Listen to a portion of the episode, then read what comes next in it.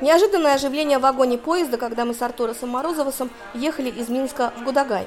Почти три с половиной часа пути. Попутчики были неразговорчивыми, грибники на станциях не подсаживались, велосипеды в тамбурах не стояли, туалет в конце поезда. Несколько последних остановок ехали практически в пустом вагоне. Далее автобусом до Островца, куда мы приехали поговорить с людьми. Но город молчал. На острове Любви рыбаков расспрашивала, ловится ли рыбка, но рыба скорее выпрыгивала из воды, чем следовал ответ.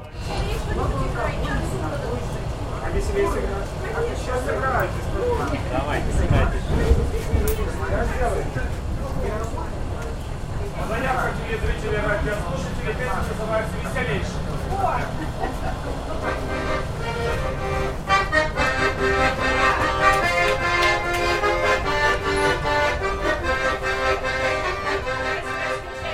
Помощью GPS по безлюдным улицам вдоль типовых зеленых заборов Мимо пустого стадиона и трех качков с магнитофоном на школьной площадке дошли до парковки, как оказалось, кофе и коктейль-бара. И тут все со всеми говорили. Здесь был остров чего-то другого. Заинтересовались. Было холодно, но пили джин с тоником и неспешно беседовали с барменом Тадеушем. Потом нашлись плед, бихеровка и виски. На минутку к нам присоединился понтовый владелец понтового Мерса, который специально подъехал за кофе. Как оказалось, строитель Островецкой атомной электростанции. У микрофона Инна Шилина. Вы слушаете Найлару. Была недельная депрессия. Потому что в Минске постоянно много людей, много общения, метро, за барной стойкой много людей. Ты привык к этому же общению, к этим взглядам, к людям. В 18 году назад приехал в Островец. Я приезжаю и понимаю, тут никого нет ну, кроме знакомых, вообще не, на улице вообще не прохожих. Вообще. Там было, я приехал в 7 часов вечера, вообще никого нет, пустой город, я думаю. Все, и у меня потом депрессия чуть не пошла. Что нет людей. И как ты выкарабкивался? А, занялся, ремонт делал. Дома? Не, Или... кофейню когда делал. Кофейню? Mm-hmm. Это было в 18 году? Да, да, да. Как оно у тебя называется? Парковка. Парковка? Mm-hmm. А когда, а когда с этими с курицами, когда у тебя появилась эта табличка? А, это Beware по, по приколу. Чуть стенку полностью обклеить стикер. И на Алиэкспрессе увидел типа эту табличку с курами. И у меня как раз куры ходят здесь. Я думаю, по приколу закажу, повешу. Типа, остерегайтесь куриц. Может, она какой-то имеет еще второй смысл? У меня просто совпадение с курами. У меня есть видео, я снимаю, я сижу, работаю работаю. У меня дверь была открыта, было тепло. Приходит поставщик ко мне, приезжает и с, такой, с такими глазами удивленными. А у меня курица стоит, там ходит под столом.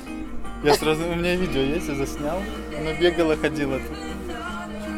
Mm. Слушай, а подожди, вот, вот, а ты говоришь, что они у тебя раз 7-8 снесли прямо вот на этом столе? Да, да, да. А что ты с яйцами Это... делал? Отдал хозяевам или сам куда-нибудь коктейль вбил? Съел. А в коктейле не используешь яйца? Ну, один сделал коктейль, саур сделал.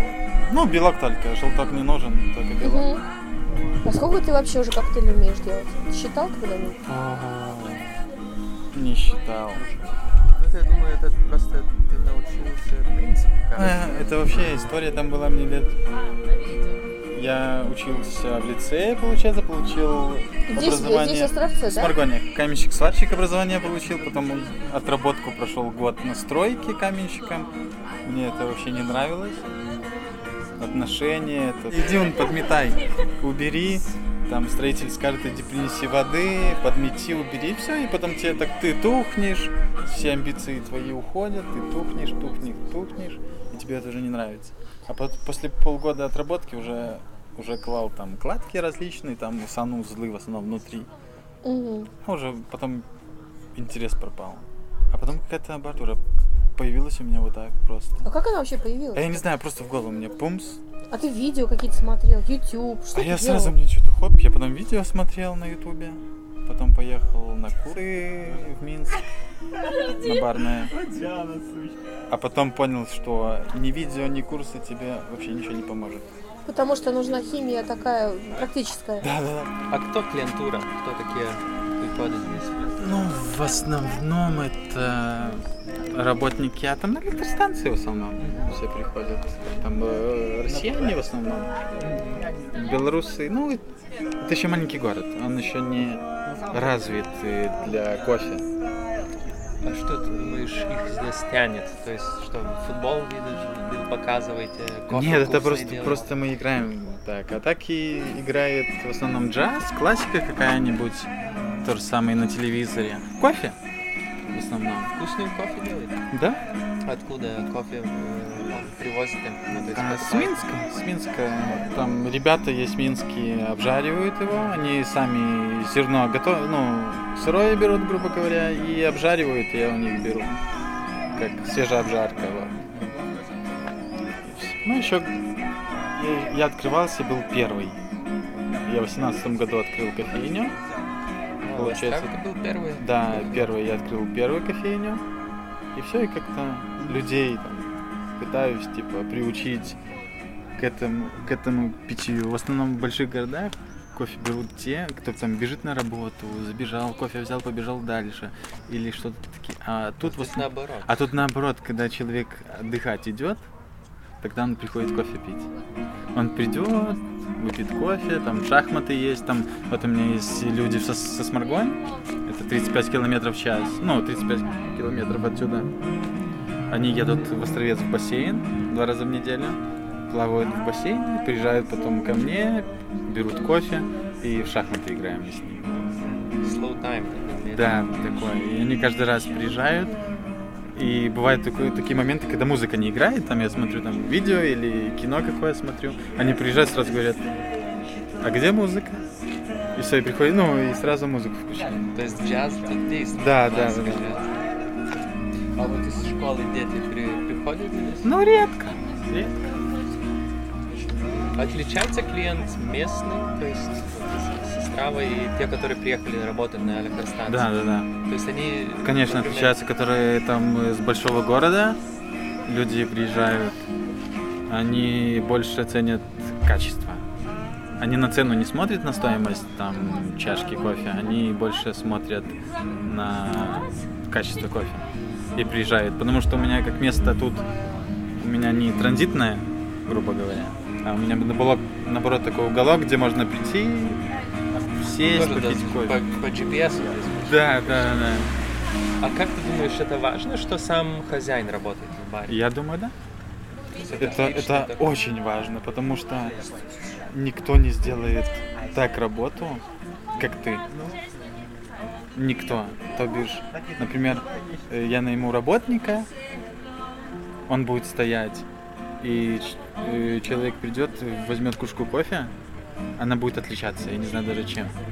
Там, разговором, я не знаю, потому что э, обычный на кого работают, например, он просто он пришел, сделал кофе, там, здравствуйте, до свидания, всего хорошего, держите и все. И, ну, не поддерживают разговор, ничего там. А какие просто... темы, про что люди говорят здесь? А, я даже не помню. Ну, так. То есть нету такой... Нету такой темы, что Просто есть люди, у меня бывает брат, вот, Который под, да, подменяет меня. Бывает, я там отхожу, и люди просто знакомые там, или люди просто проходят, видят, что я не на работе, например. Они просто проходят, они не берут кофе. И я так думаю, люди не, не приходят пить кофе в основном, они приходят поговорить. То же самое я в бары, когда хожу, например, я иду к определенным людям. Если я захожу в бар, там, моего знакомого, не, ну, не его смена, я, ну, пойду в другой бар, где есть знакомый, например. А ты сказал, вот, что брат работает пожарником в АЭС. Ну, это старший. А, старший? Нет, это старший. Я думал, что, может быть, его коллеги не, не, не, не. Слушай, а у вас с братом так вы очень близки? Ну, да. А политически?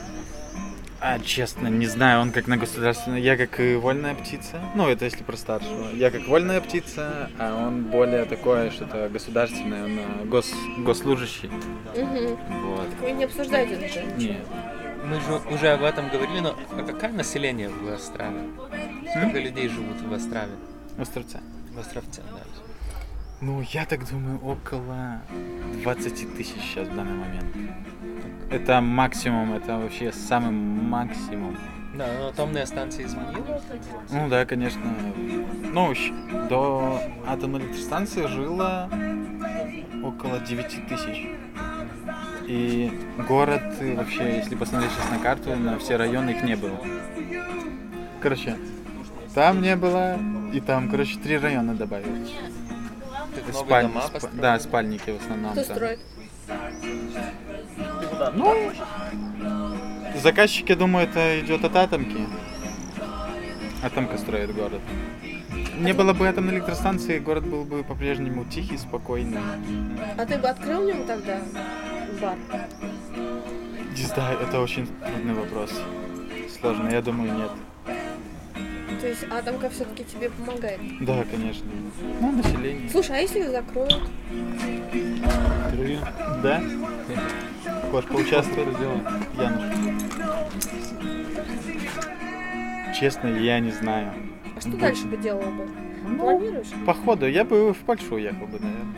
А, потому что ты делаешь эту польскую карту. Ну, да? я бы, ну, у меня есть такая где-то на полочке мечта, или как это сказать, уехать в Польшу, я не знаю. И сейчас ты готовишь, готовишь документы, да? Ну да, ну не так активно, но у меня есть, я планирую. Ну, нету стержня такого, который, кнута, который меня бьет, и я бы каждый день просыпался с одной мысли, все, надо идти документы делать или учить польский язык. Я так, ёкнет в голову, пойду почитаю книгу, попробую поучить. Ну, такого нету.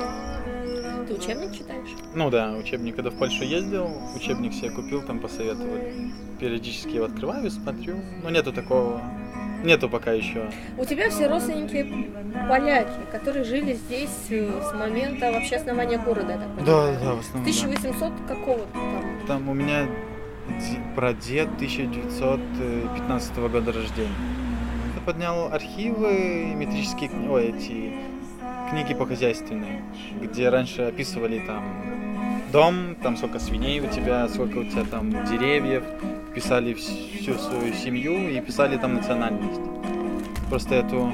Я могу даже показать. её. Давай.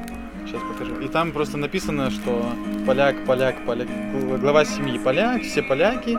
Потом просто перечеркнуто и красной ручкой написано белорус.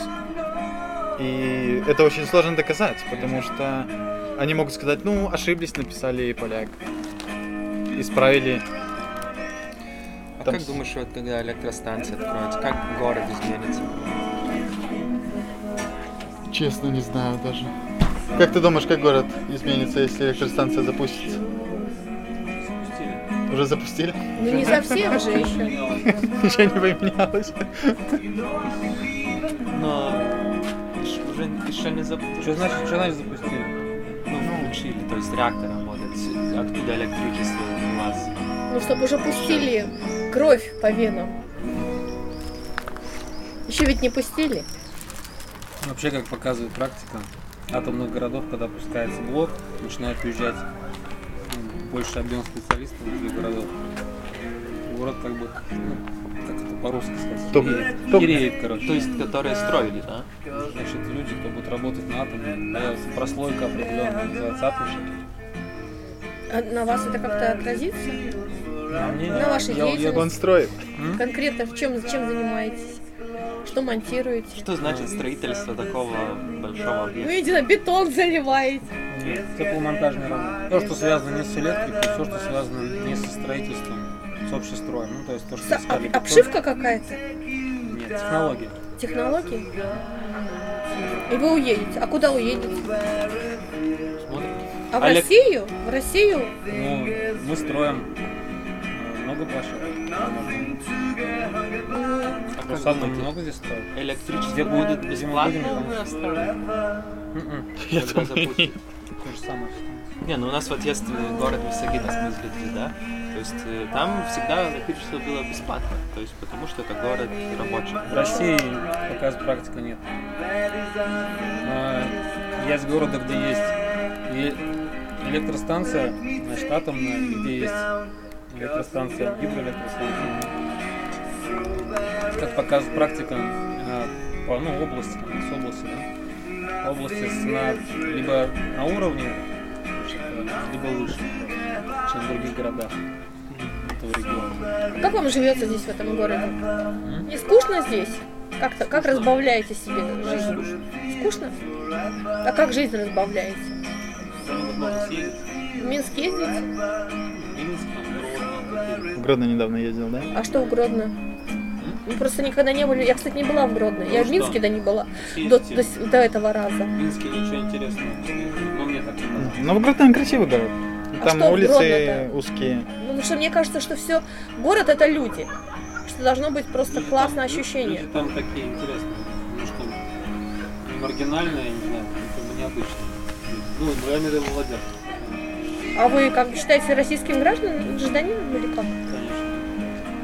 Привет. Здравствуйте. А откуда вы приехали? М? Откуда приехали? Откуда? Волгодонск. Волгодонск. На Волге. Получается, это между Волгоградом и Ростовом. Есть э, такое значит, строение, Волгодонской канал. Соединяет Волгу с Доном. М. Поэтому Волга, Дон. А где лучше жить, в Беларуси или в России? В России? А Почему? М? Почему? Ну, Больше свободы, больше себя чувствуешь, скажем так. Больше свободы. Больше свободы какой? Так. Ну, смотрите, здесь, э, по сути, полицейское государство, милицейское государство. То есть э, в России у тебя есть больше прав. А это связано с тем, что вы в Островце живете или вообще в, в целом в Беларуси? В целом, вы согласны? Ну, Я в России не жил. Не был никогда даже? Ну, я ездил, но я не жил проездом. А в Польше что тебе понравилось, когда ездил?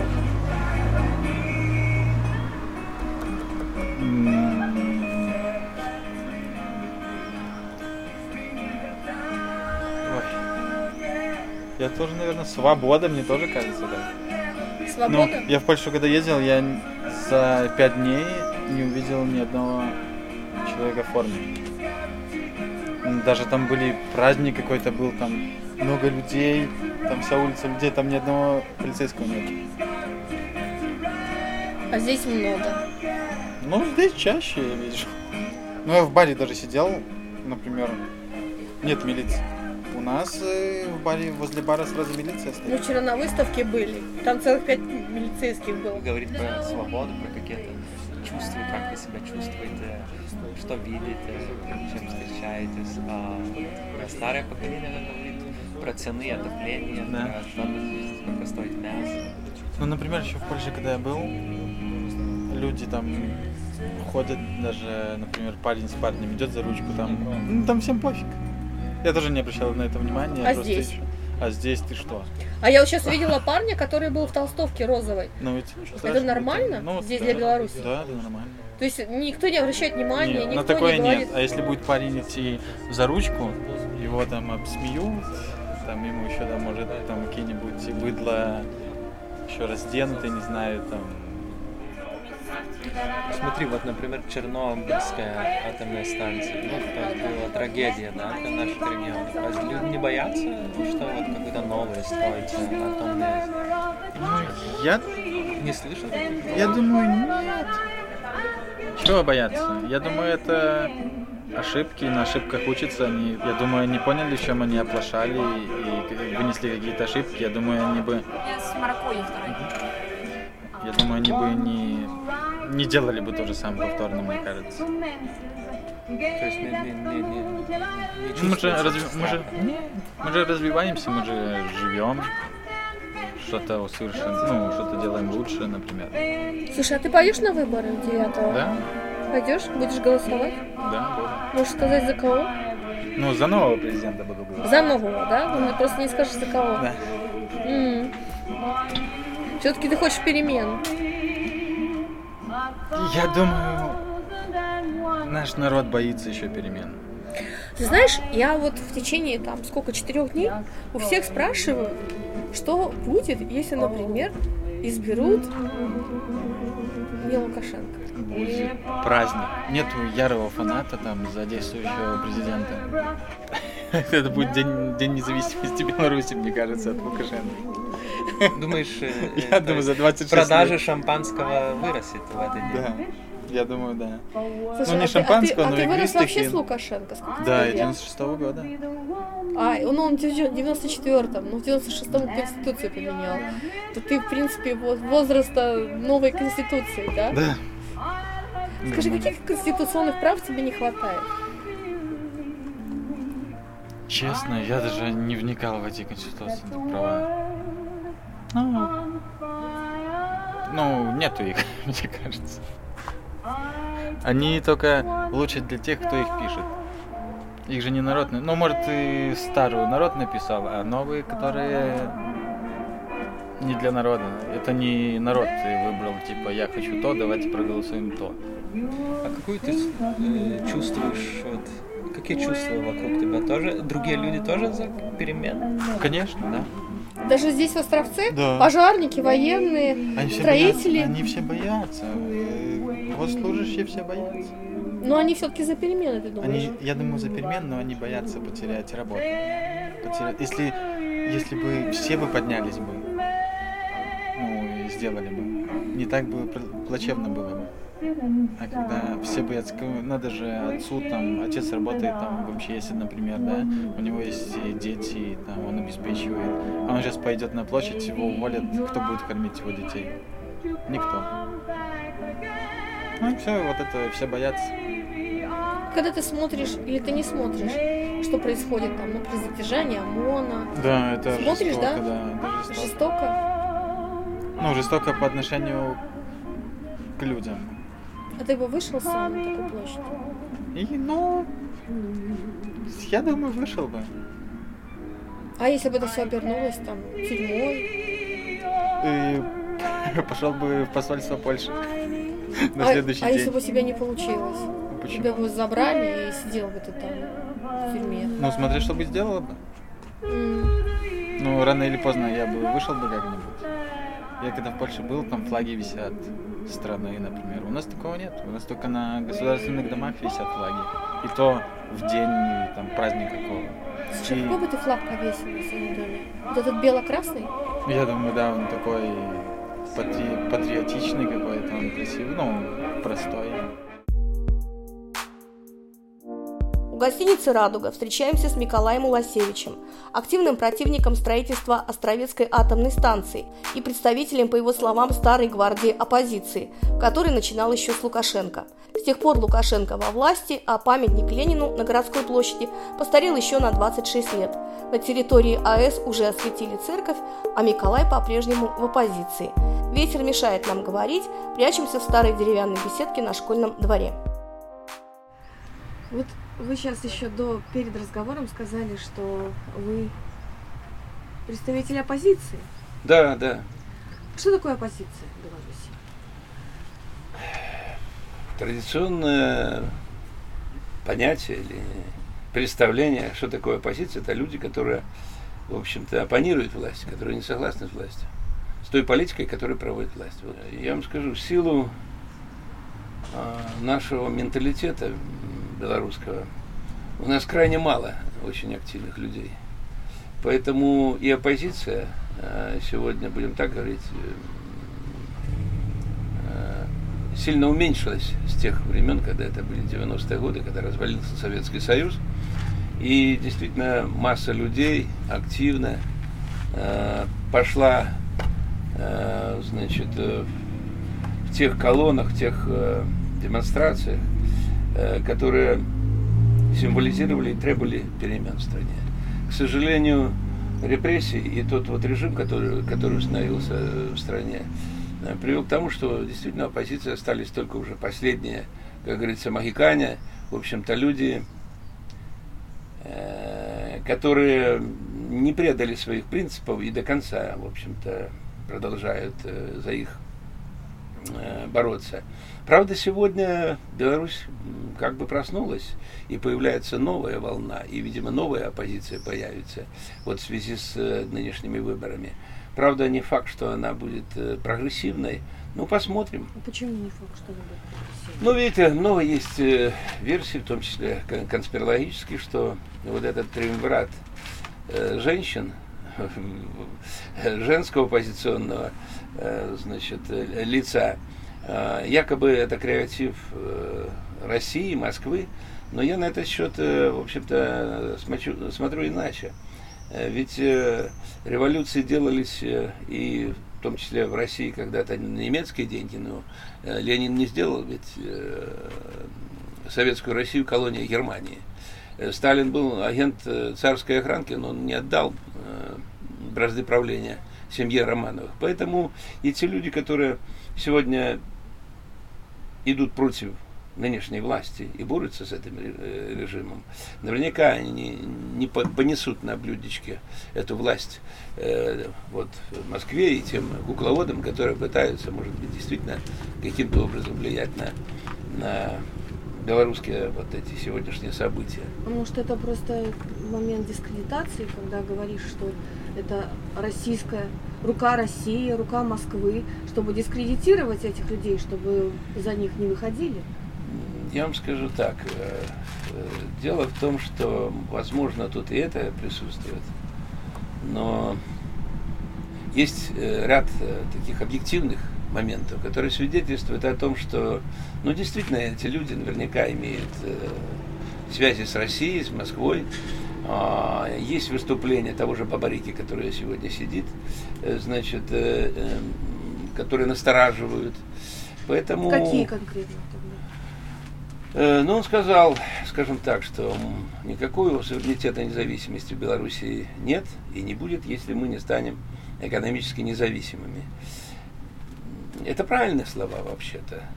Но если бы они еще вот эти, это выражение имело продолжение, что мы будем за это бороться, и мы будем стоять, как говорится, насмерть за такие вот ценности, то это было бы очень хорошо.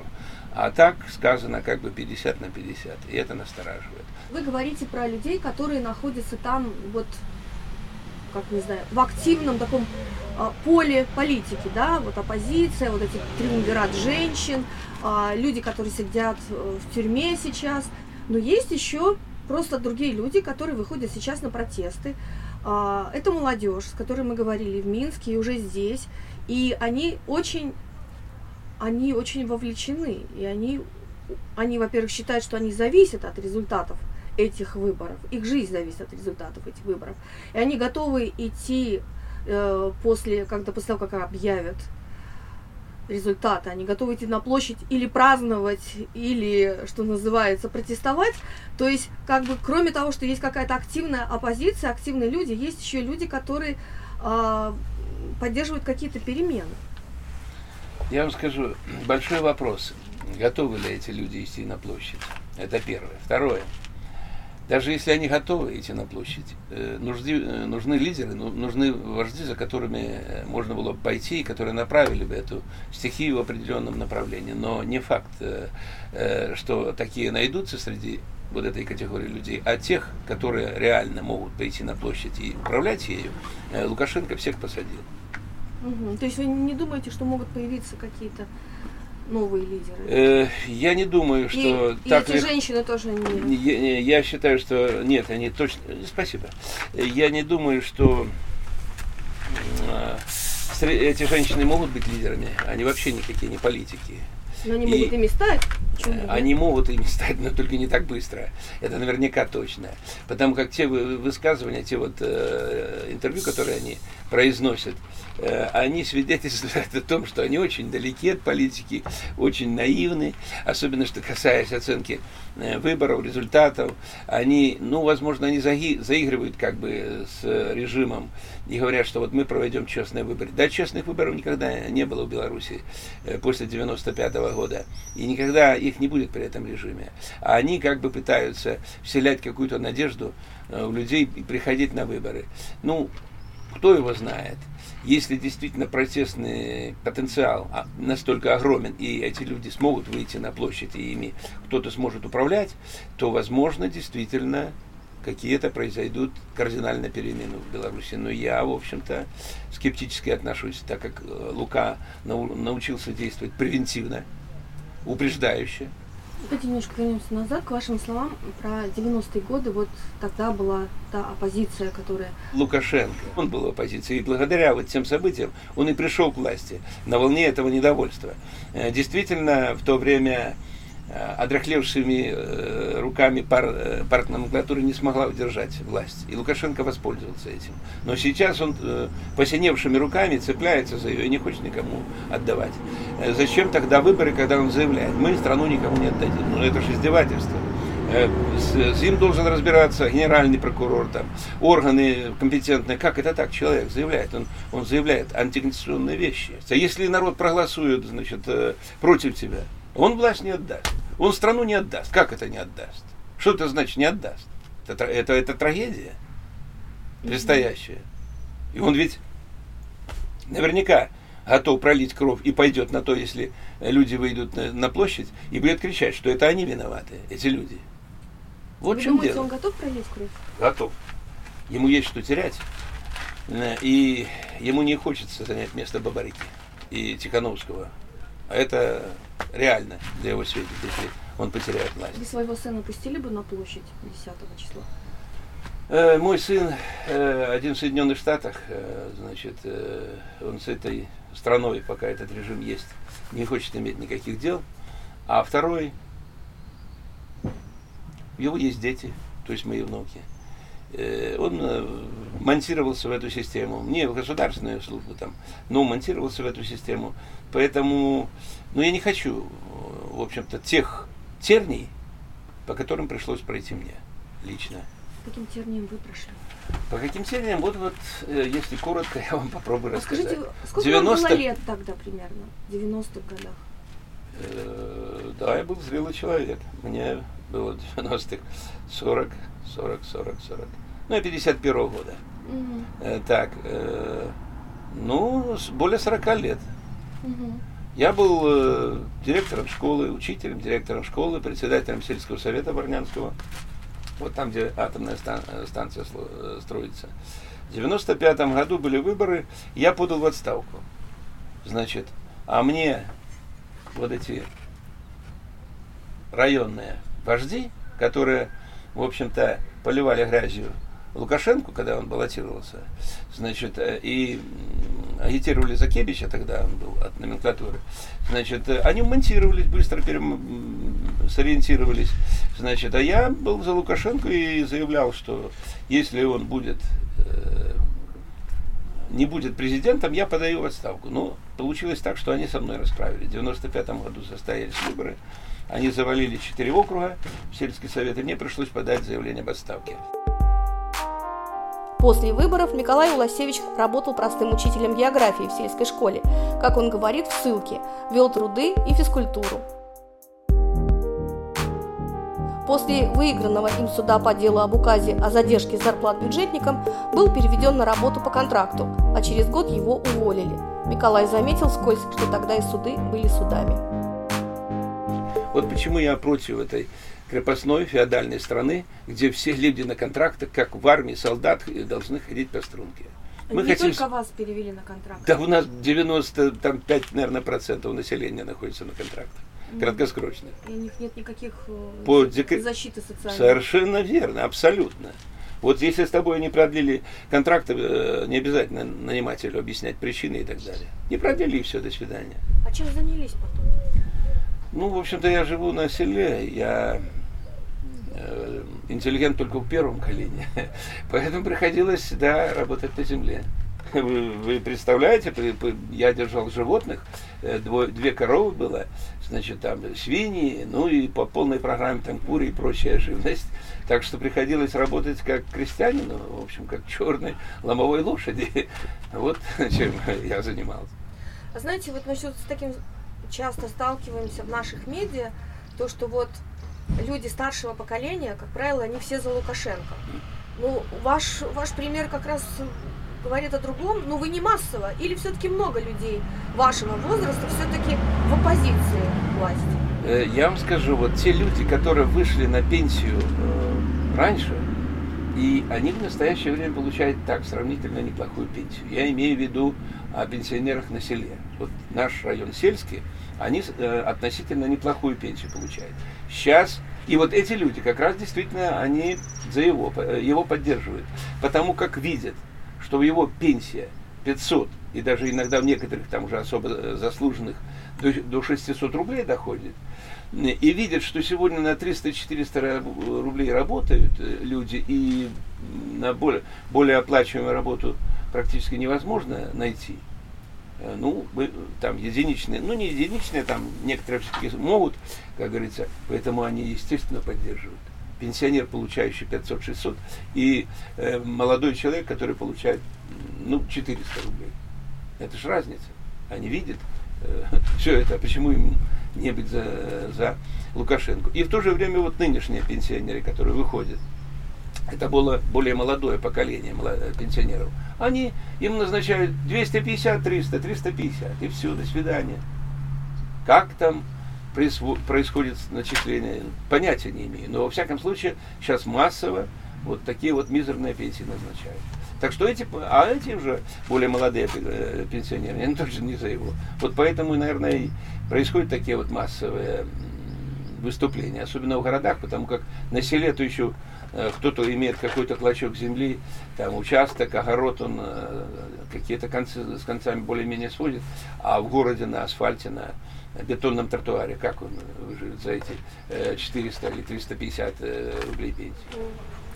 А вы знаете, мы еще вот между собой часто обсуждаем эту тему и спрашиваем иногда других, других наших собеседников.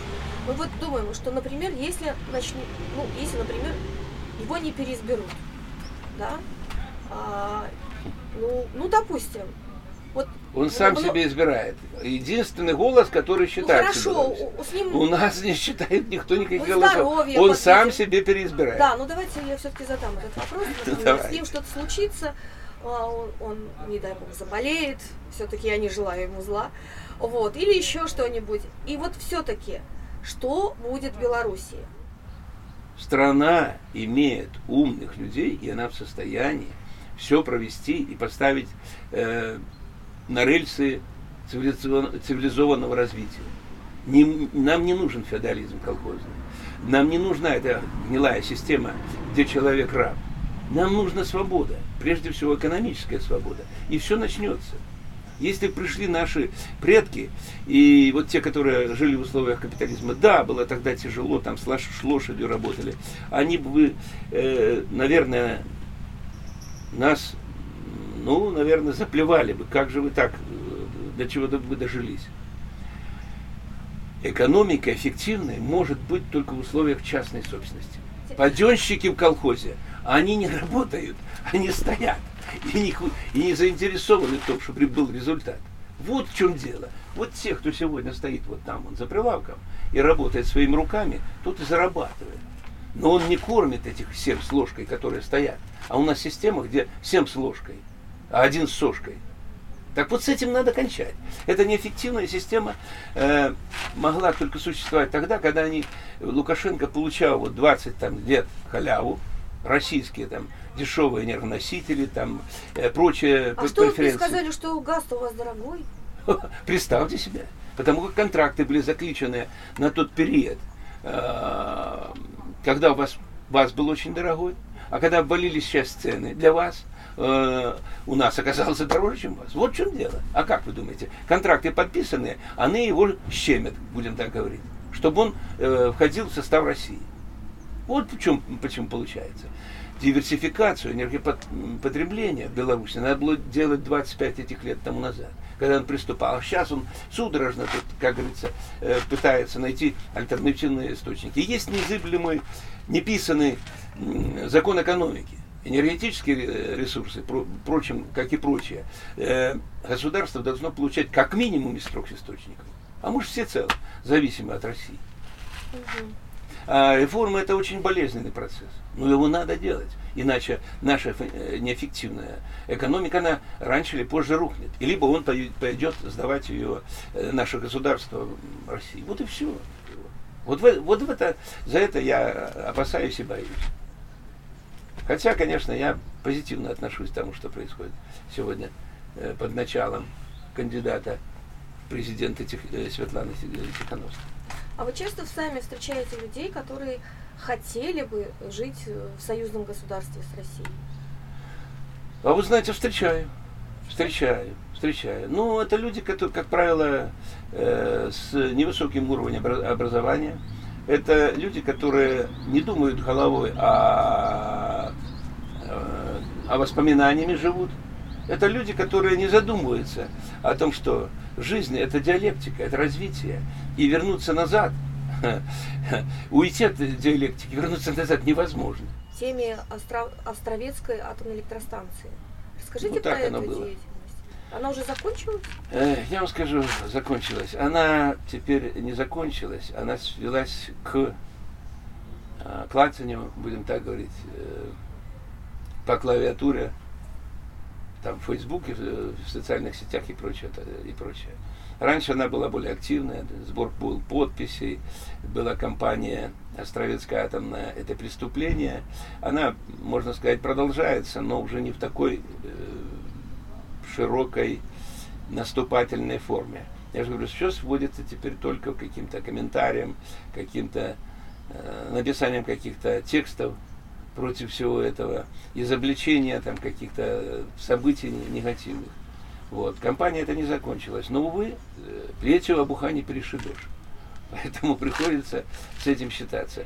Да и я уже человек в возрасте, мне э, через год 70 лет, э, куча болезней, я уже не могу, а, как э, сегодняшняя молодежь, пойти туда на площадь и грудью, э, значит, э, э, сражаться за наше правое, будем так говорить, дело. Э, Я инвалид третьей группы э, по сердцу. Я боюсь, что если я туда схожу и побегаю с, э, от ОМОНа или, или пойду на ОМОН, то я могу и, в общем-то, ногами вперед оттуда уйти. Э, Поэтому, конечно, все эти вот обстоятельства, они сказываются. Еще раз хочу повторить, мы, конечно, продолжаем противостоять этому преступному проекту. Мы изобличаем э, эту затею. И э, вот э, завтра э, на атомной станции произойдет открытие освещения э, церкви, там церквушка небольшая, там приезжает российский, э, как он, митрополит, как кто там, я по санам этим не понимаю, Нижегородский, кото- ко- который курирует все атомные проекты России. Э, Значит, Специальный митрополит по атомным проектам. да, да, который курирует, да, вот эту религиозную часть. А, Значит, наш этот митрополит, или как он, ну, наш митрополит Павел, да, тоже приезжает, но будет освещать. Короче, там высокое представительство, разумеется, с ними приедет еще. Вот. А еще один слух, седьмого, ну, это, наверное, апогей, или, или, как говорится, заключительная часть а, кампании Лукашенко, якобы хотят они все-таки запустить. Там, Сейчас. может, чисто символически, может, как, но если уже они чисто символически запустят ее, то это, конечно, будет точка невозврата. Хотя уже надо предполагать, если они завезли топливо, то это уже тоже решен, перейдет какой-то Рубикон. Мгм. И это такая дополнительная уязвимость Беларуси во многих. Э, Что получается? Мы замещаем 4-5 миллиардов кубометров российского газа на соответствующий э, эквивалент э, ядерного этого атомного топлива.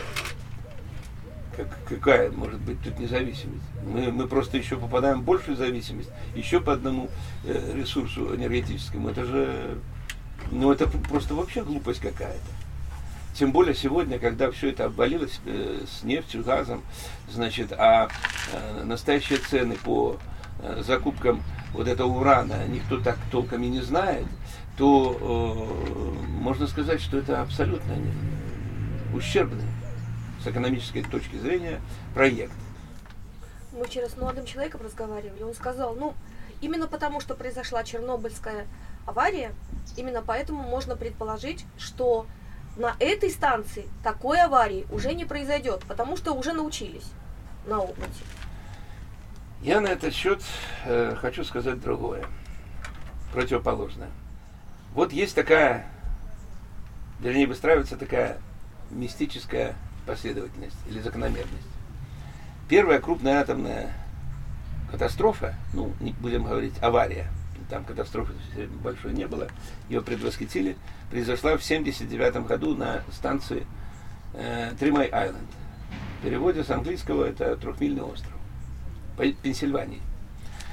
Э, значит, э, в одиннадцатом году произошла авария, ну, равно, равноценная по масштабам с э, Чернобыльской Фукусиме. Фукусима переводится на, наш, на русский язык как остров счастья. Островец переводить не надо. Ну вот мистический ряд. А мистика ведь часто материализуется. Вот это меня очень сильно настораживает. И более того, вот те вещи, которые произошли, две, вот будем говорить такие вещи, как будто знамения с неба. Значит, один шарахнули э, корпус реактора об землю, о чем я в свое время сообщил первый. Значит, а второй, э, тут в Беларуси на станции Славная, в Толочино, шарахнули э, э, столб электропередачи. Ну, это как будто Бог вот говорит, ребята, вы не то делаете, остановитесь. Но не останавливаются. Вот с упорством смертника идут чему-то ужасному. Вот у меня такое представление на этот счет. Ну да, когда мы находимся тут в 40 50 километров, нам тоже страшно. Ну, естественно, естественно. Вам еще жить-то мы-то уже пожили. Хотя то и мне не хочется никуда срываться отсюда. Не дай-то Бог. Ну, а когда вот, например, этот рухнул корпус реактора, что люди здесь разговаривали в городе? А я вам скажу, она безразличные люди. Ну, рухнул и рухнул. Ну. Все знали об этом, кстати говоря. И я знал, но я только не боялся э, всю эту выдавать информацию в открытом виде, потому как могли бы наехать на меня, что я клевещу там, выдумываю и так далее. А все знали.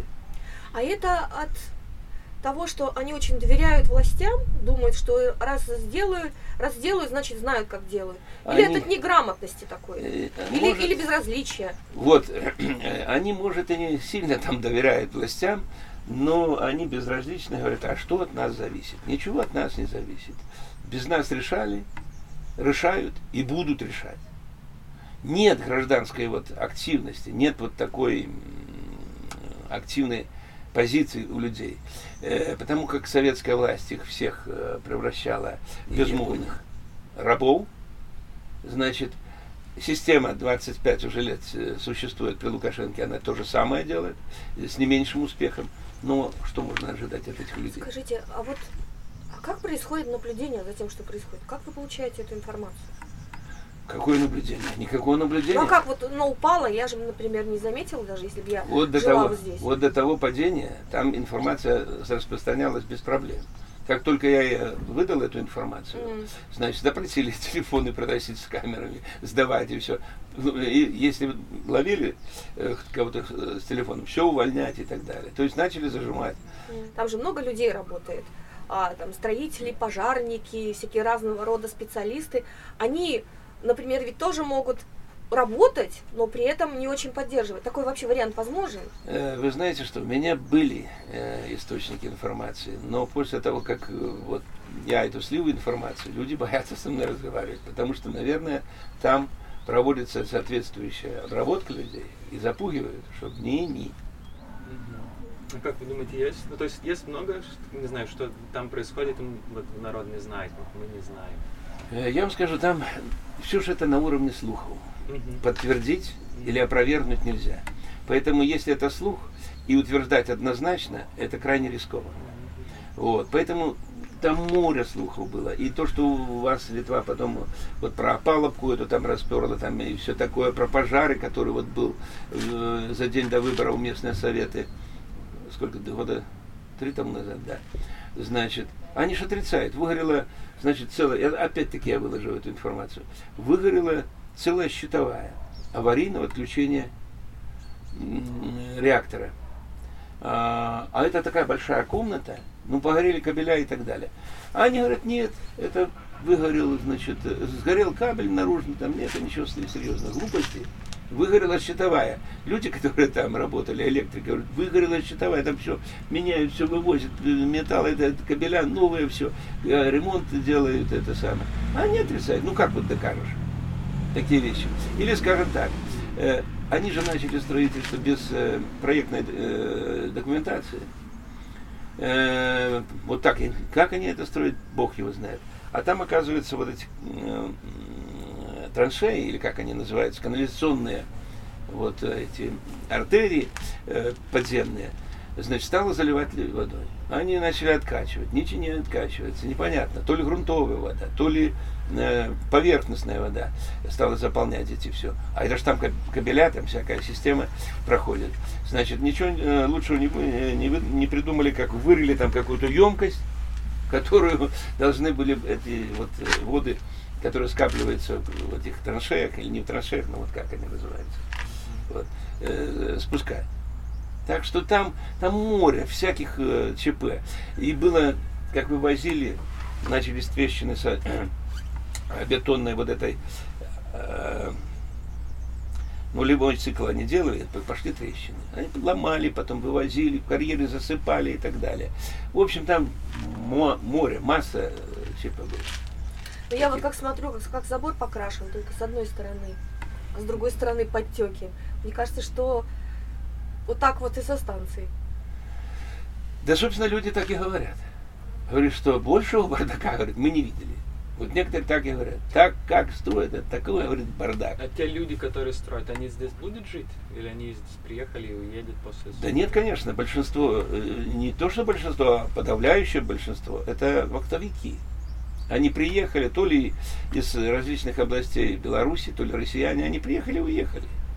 Я разговаривал с россиянами, они говорят, да нам пофиг, нам, говорит, безразлично.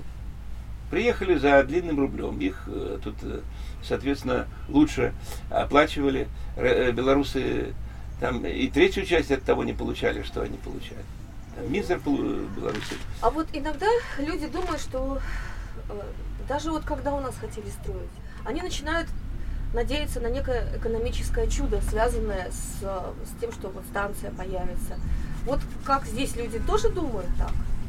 Да люди ничего не наши не думают. Вот конкретно этот город. Например, они, они думают, как... что экономически для них полезно, что будет такой большой объект. Я вам скажу, как могут люди безразличные думать. Они ничего не думают. Они считают, что за их кто-то подумает. Они ничего абсолютно не думают. Но единственный, наверное, плюс это то, что действительно город расстроили. Тут построили социальные объекты, э, значит, э, сеть э, торговых крупных маркетов построили. Ну, это, это конечно, наверное, плюс. Это неплохо, неплохо для людей. А все остальное, они абсолютно ничего не думают и пропускают мимо ушей. А вы здесь... Цены электричества унижатся? Когда... Ну как Да о чем вы говорите? Да уже прямо сказали, что цены ниже не будут. Ну, например, вот в Висагиносе, да, всегда была скидка в советское времен бесплатно. Весь а, вы имеете в виду на этой вот да, местной территории. Вот я дважды тут баллотировался кандидатом в президенты и говорил, что люди в 30-километровой, а лучше в 50-километровой зоне должны иметь либо бесплатную электроэнергию, ну, в определенных квотах, либо, значит, хотя бы за 50%. Э, когда они агитировали за АЭС, они что-то подобное обещали, какую-то там льготу. Но я думаю, что черта с два они что-нибудь такое дадут, дадут нашим людям. Тем более, что наши люди, как те э, птички, э, довольствуются тем, что им бросят, посыплют, и совершенно э, не способны требовать и отстаивать свои права. А вот интересно, а ведь Островец э, такой довольно старый город. 1800 каком-то, да? Он... Ну, город. Это не город, это деревушка была, собственно, маленькая. Ну, а сейчас это город. Mm. Собственно, городом он стал э, года два тому назад всего лишь. Это городской поселок был. Mm-hmm. Вот. А вы выросли как бы в этих краях, да? Нет, я вырос э, в Новогрудском районе, в Новогрудке. Mm-hmm. Значит, я приехал э, сюда в 70 1994 году по распределению после геофака. Я вам скажу, вот по этой центральной улице, вот где ваша гостиница, где вы живете, там по колену ямы были, понимаете, пройти невозможно было не то, не то что проехать. Так Это что... когда в 70-х? Да, да, в 74 году я приехал. А яма, от чего ямы? Что там? А никакого асфальта не было, там какая-то а. непонятно, что там было, только грунт, то ли камень, то ли булыжник. Mm. Ну, ужас.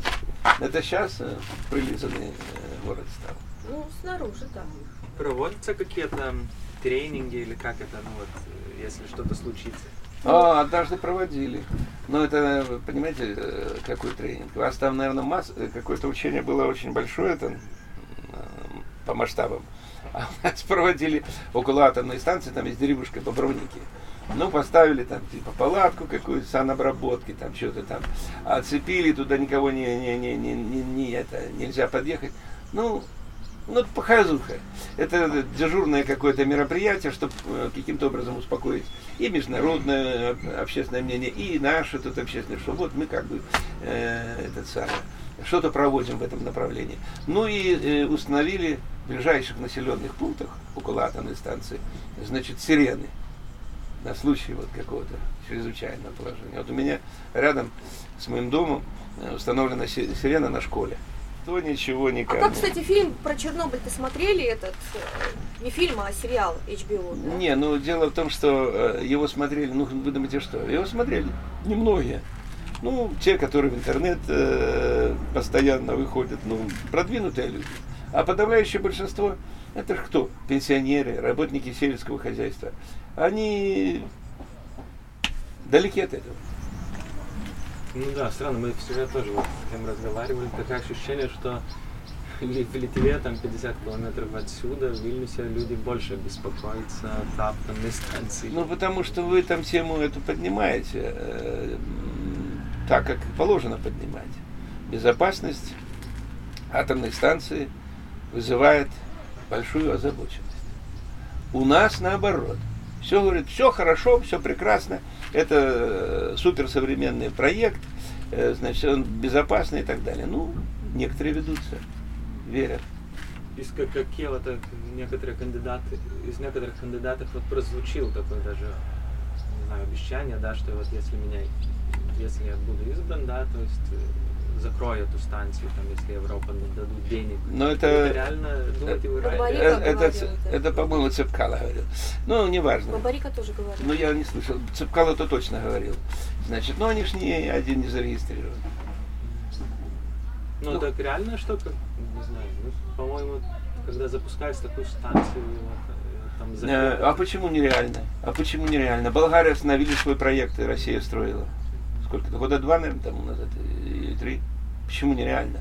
Уже если, конечно, завезли топливо и э, поставят его туда и запустят, уже тогда нереально. А так, пока ее не запустили, то все реально. Перепрофилировать, там сказать, там же огромная территория, 450 э, гектаров, площадь станции, там и производство какие-то различные.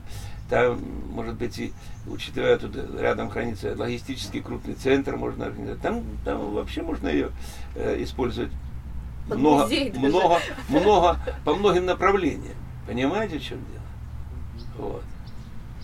А вот еще, вот россияне, с которыми мы говорим, они говорят, что станция им тоже не нужна. Никак. Потому что, во-первых, ну, дали много денег, который, скорее всего, кредит Лукашенко ни один не вернул. Все правильно. А он, а, а он на это и рассчитывал, несомненно. Э, дело в том, что это все правильно Литва и политики литовские говорят. Это геополитический проект. И прежде всего с очевидной военной составляющей. Потому что под этим зонтиком под, под прикрытием атомной станции. Тут же расположилась воинские части, ракетные части, все такое. Это вроде бы для охраны, но я думаю, что они выполняют гораздо более широкие задачи. А если юридически смотреть на атомную станцию, то есть кому она принадлежит? Э, э, Тут 50 на 50. Э, значит, юридически, значит, о нашей земле это наши 50. А, значит, кто построил? Кто построил? Значит, тот и хозяин, по, по большому счету. Вот. Ну, я не знаю, как вопрос решен с землей. Я думаю, что Беларусь не настолько глупа, и Лукашенко глуп, что он отвел землю, э, там, скажем, на какой-то срок, на 50 или сколько лет России, для того, чтобы нас тут построила АЭС. Поэтому, учитывая то, что она на зем, нашей земле, то наша 50, что мы вот на своей земле построили. Это не ваше, э, значит, не ваш объект. А то, что они построили за свои деньги, ну так надо вернуть деньги. Вот и все. Какая численность тут российских э, военных? Или здесь не российских? Не, здесь российских военных то тут я не вижу, не знаю. А вот они, как инструкторы приезжают или что? Или... Конечно, воинские части белорусские, а приезжают, не приезжают россияне. Откуда? я могу такую информацию. Во всяком случае не слышал. И не видно, что, может быть, по гражданке они приезжают сюда, может быть, в нашей переодеваются нашу военную форму.